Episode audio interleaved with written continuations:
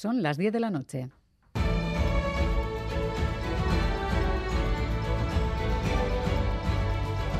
Radio Euskadi y Radio Vitoria. Servicios informativos.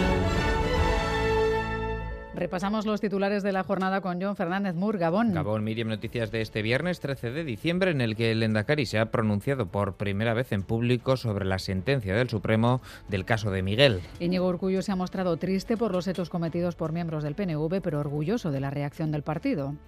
Tristeza porque las personas condenadas fueran afiliadas al Partido Nacionalista Vasco. Tengo tristeza por sus familiares y las personas allegadas. Pero tengo orgullo por el exdiputado general de Araba, Xavier Aguirre, por el propio Partido Nacionalista Vasco, porque supieron reaccionar.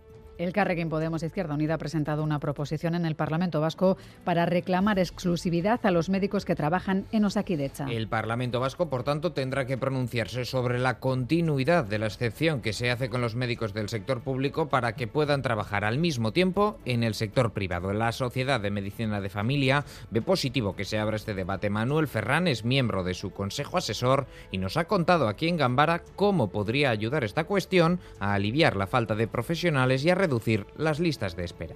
Si una parte de los médicos y que ahora están trabajando en la privada ah, deciden trabajar exclusivamente en la pública, haciendo horas extras en la pública por las tardes, con una compensación económica que debería ser equivalente a lo que ganan en esas horas de sanidad privada, pues eso mm, llevaría médicos de la sanidad privada a la pública y ganaríamos horas de médico, con lo cual reduciríamos listas de espera. Ferran discrepa de la opinión extendida de que poder trabajar en la privada es lo que mantiene a los mejores profesionales en el sector público. El Partido Popular se desmarca ahora de la propuesta de Vox para entorpecer el derecho al aborto en Castilla y León. La formación ultraderechista, sin embargo, asegura que se trata de una cuestión pactada con los populares y que la propuesta entrará en vigor de manera inmediata. El PP dice que, por ley, no pueden obligar a los sanitarios a ofrecer a quienes quieran abortar, escuchar el latido del feto o una ecografía 4D del mismo. El catedrático de Derecho Constitucional Javier Pérez Rollo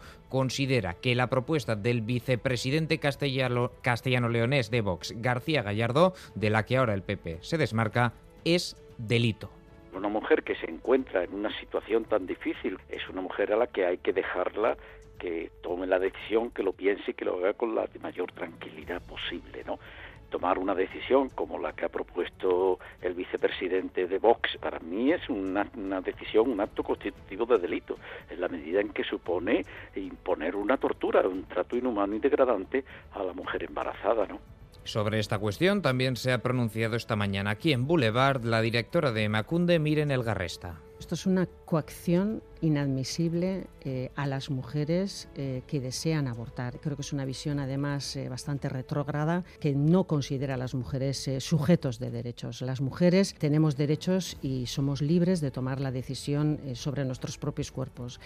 Por otra parte, la directora de Macunde ha destacado que la actuación de la sociedad vasca ante la violencia machista es encomiable y ha destacado también que no existe una medida infalible contra la violencia machista. La defensa de Cote Cabezudo pedirá una rebaja de pena en base a la ley del solo sí es sí. En junio, Cabezudo fue declarado culpable por la Audiencia Provincial de Guipúzcoa de un delito de violación, otro de abusos sexuales, seis de pornografía infantil y dos de estafa a varias de sus modelos. La Audiencia de Guipúzcoa le impuso 28 años y dos meses, tan solo 20 serían de cumplimiento efectivo. Su abogado, Eneco Olano, ha confirmado que recurrirán, pues consideran que la nueva legislación favorece a Cabezudo. Estudiando la nueva legislación entendemos que sí le es aplicable porque sí resulta que es favorable un poquito al menos para, para su condena en caso de que esa condena penal sea ratificada por el Tribunal Supremo. Sí que a la vista de la nueva horquilla de penas al menos se le podrían rebajar en dos años la, la, condena actual que tiene de 28 años y 15 días y que la misma podría quedar en 26 años y 15 días.